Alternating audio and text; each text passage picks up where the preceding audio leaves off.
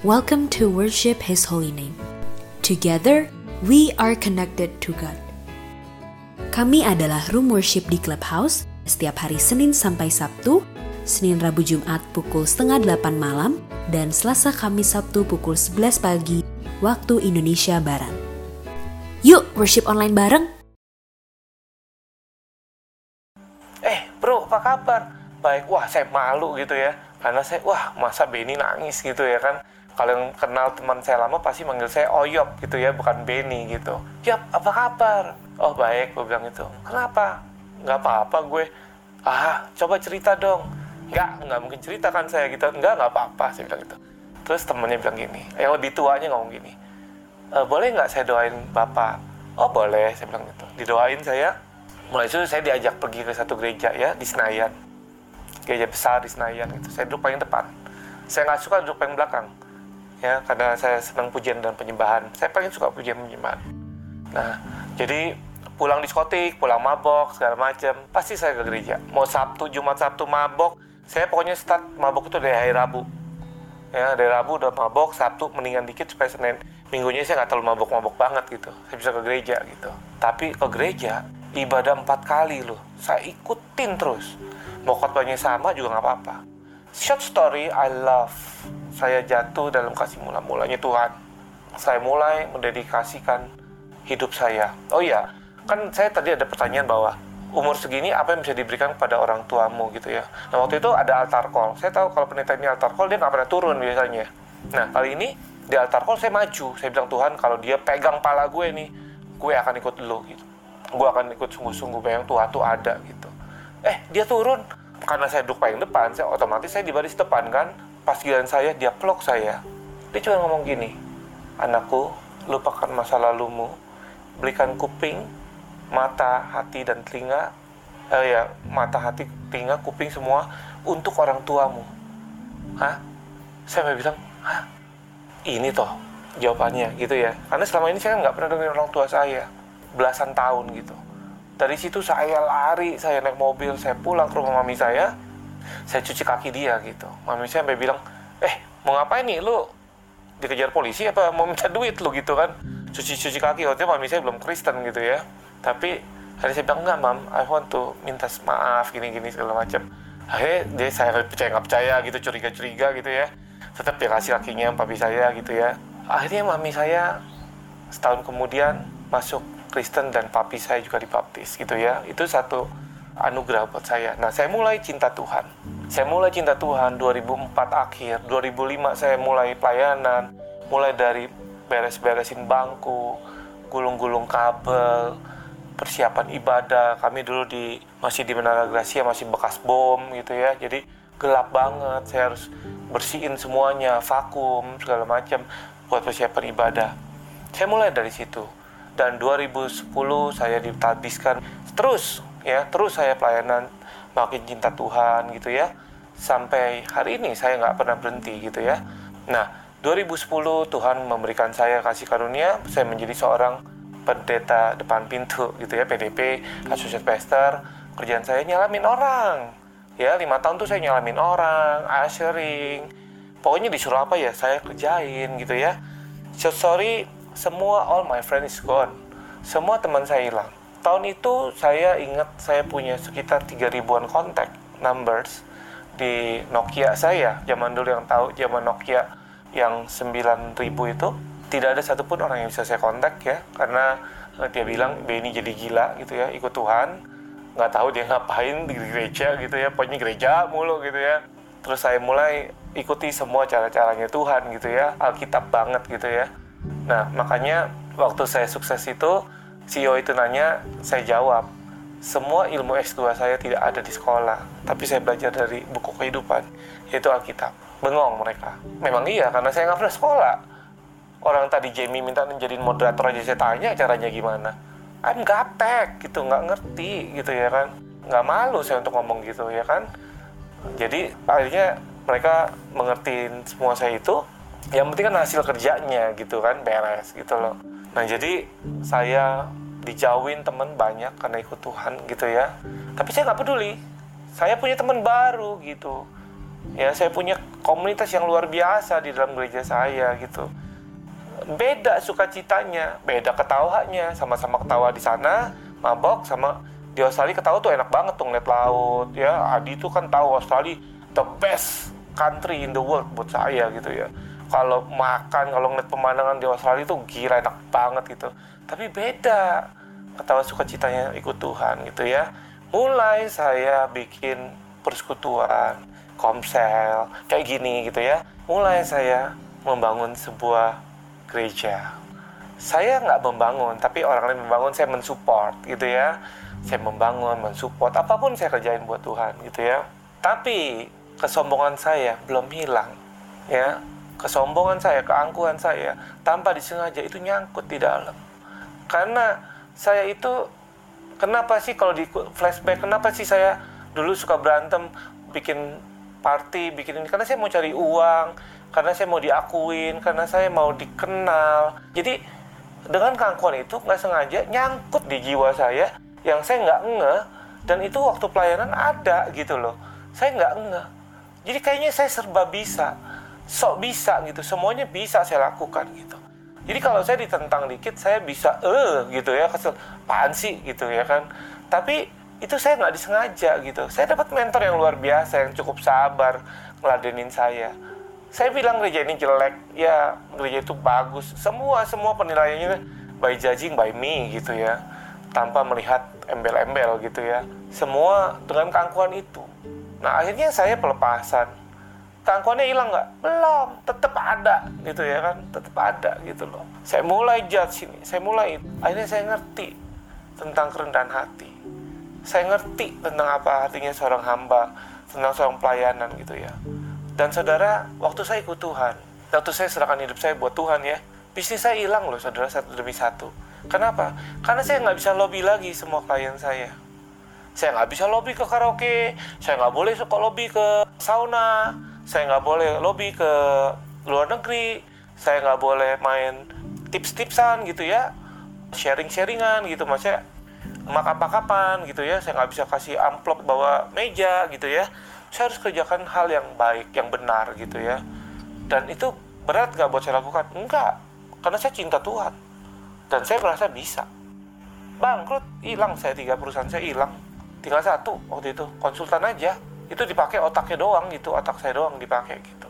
Puji Tuhan masih hidup gitu, masih bisa gitu. Masih bisa support pelayanan.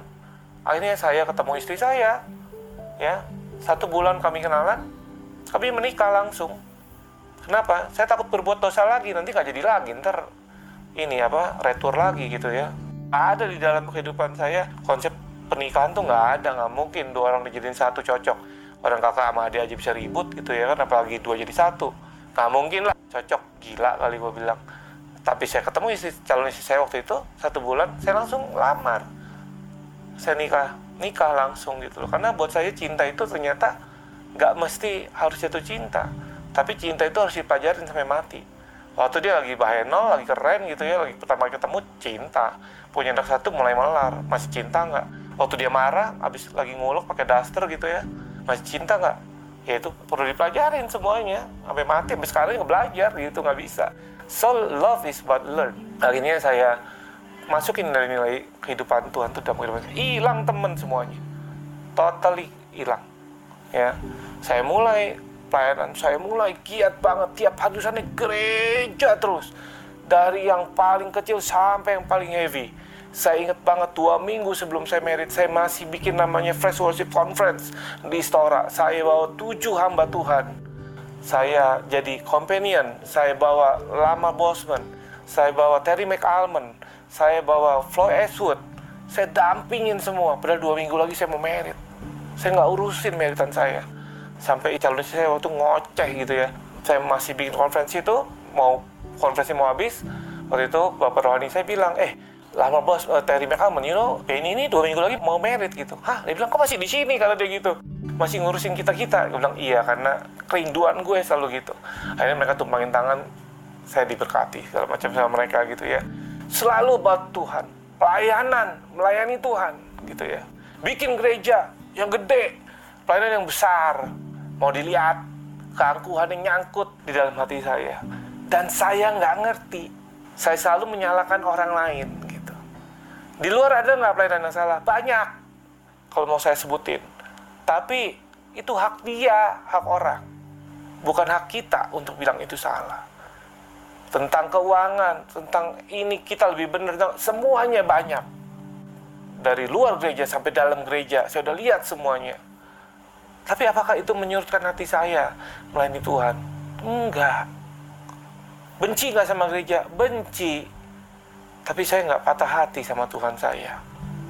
Saya nggak bilang semua gereja itu jelek gitu. Tapi karena keangkuhan saya itu, karena pengalaman saya bisa sampai sukses itu kebawa dalam waktu saya masuk dalam organisasi gereja. Padahal Tuhan bilang apa? Melayani, melayani. Hatinya hamba gitu ya, nggak boleh Teman-teman pasti curious, kenapa waktu saya menjadi dari yang badung banget kok bisa sukses banget? Ada tiga kunci yang saya mau kasih tahu gitu. Ya, waktu saya badung banget gitu ya, ada tiga hal yang saya pegang. Satu, saya belajar dari Daud. Waktu Daud jatuh dalam dosa waktu dia ngintipin Betseba gitu ya. Hamil lah Betseba gitu ya. Nabi Nathan ingetin dia gitu. Terus akhirnya kan meninggal anak yang pertama. Daud jatuh dalam dosa gitu ya. Dia nggak banyak ngomong, dia masuk dalam goa, dia puasa, dia sujud, dia nangis terus. Tuhan ampuni, Tuhan ampuni gitu. Tuhan jauhkan ini semua, gue tetap mau perkenanan Tuhan. Lu boleh ambil semuanya tapi jangan ambil perkenanan lu dari gue gitu. Ya, akhirnya Beseba dikawinin keluar anak namanya Salomo dan kita tahu dari Daud lah keturunan Daud keluar Yesus. Itu yang saya lakukan. Setiap kali saya berbuat salah, saya langsung minta maaf sama Tuhan. Saya langsung sujud. Kalau bahasanya apa ya, merunduk gitu ya. Sampai hari ini, sampai hari ini, saya sama istri saya melakukan itu. Kalau saya sampai ada salah, saya berdua duduk di kaki gitu ya. Di bawah ranjang kami, kami duduk berdua, nangis, berdoa. Kedua, Yesaya 43, 18, 19. Saya bacain ya. Yesaya 43, 18, 19 ini kan ayat favorit banget gitu ya. Mungkin teman-teman juga udah hafal lah ini ya. Saya baca nih saya 43 18 19 firmannya janganlah ingat-ingat hal-hal yang dahulu dan jangan perhatikanlah hal-hal dari zaman kala. lihat aku hendak membuat sesuatu yang baru yang sekarang sudah tumbuh belumkah kamu mengetahuinya? Ya aku hendak membuat jalan di padang gurun dan sungai-sungai di padang belantara. Kalau bicara padang ya padang gurun itu kan padang gurun ya. Pasir semua gitu isinya nggak mungkin ada sungai lah ada apa itu namanya. Itu nggak mungkin gitu saudara. Betul ya? Jadi bicara apa? Bicara keajaiban. Bicara miracle. Kalau anda mau dapetin miracle-nya Tuhan ya anda harus masuk ke padang gurunnya Tuhan. Nah waktu saya pelayanan saya nggak mau masuk dalam padang gurunnya Tuhan. Konyol kan? Nggak mau saya. Saya bilang saya maunya tetap dalam ini dong Yerusalem dong. Dalam negeri perjanjiannya Tuhan gitu loh. Padahal Tuhan bilang lu masuk. Nah saya tapi waktu kerja saya bisa praktekkan itu di dunia marketplace. Lucu kan? Saya nggak inget yang zaman zaman dahulu. Saya terima mujizat maunya gitu. Gimana? Pokoknya bisa harus bisa gitu ya. Tapi waktu di pelayanan nggak bisa. Makanya satu-satu saya dicopot dipretelin Tuhan. Pekerjaan hilang pelayanan saya hilang.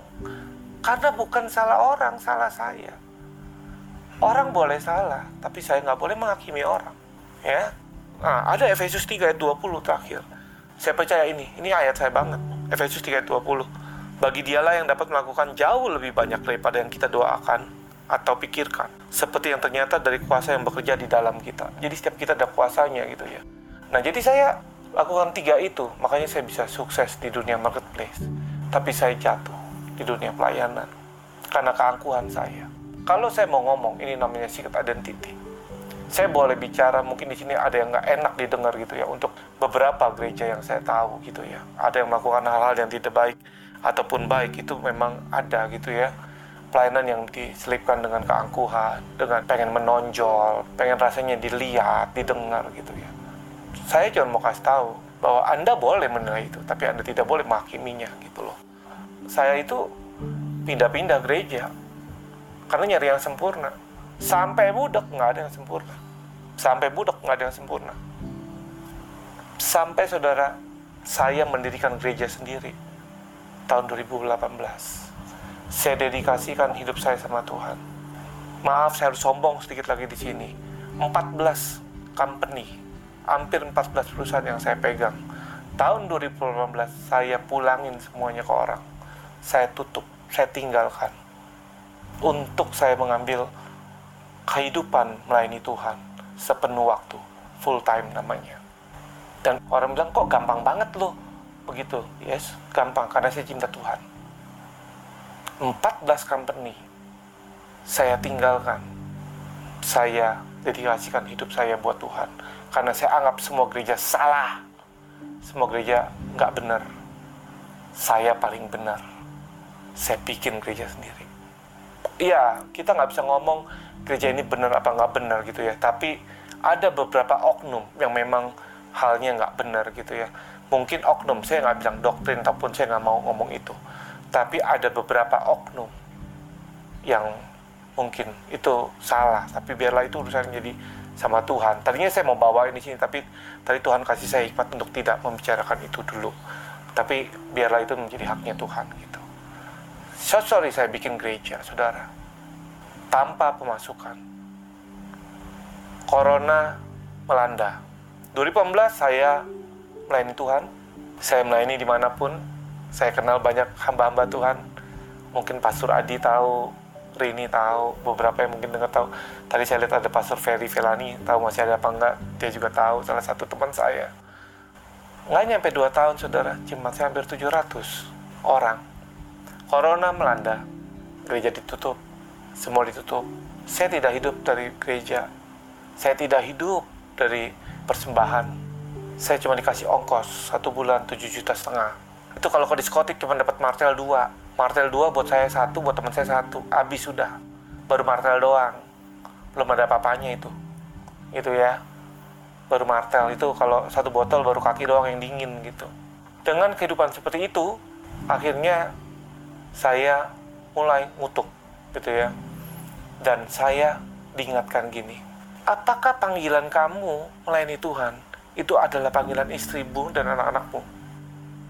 Seperti Abeng ngomong minggu lalu, dia bilang gini, gue menjual semua cita-cita istri dan anak-anak gue bertahun-tahun demi egoisnya seorang laki-laki ingin menjadi full timer karena melayani Tuhan nggak mesti di dalam gereja.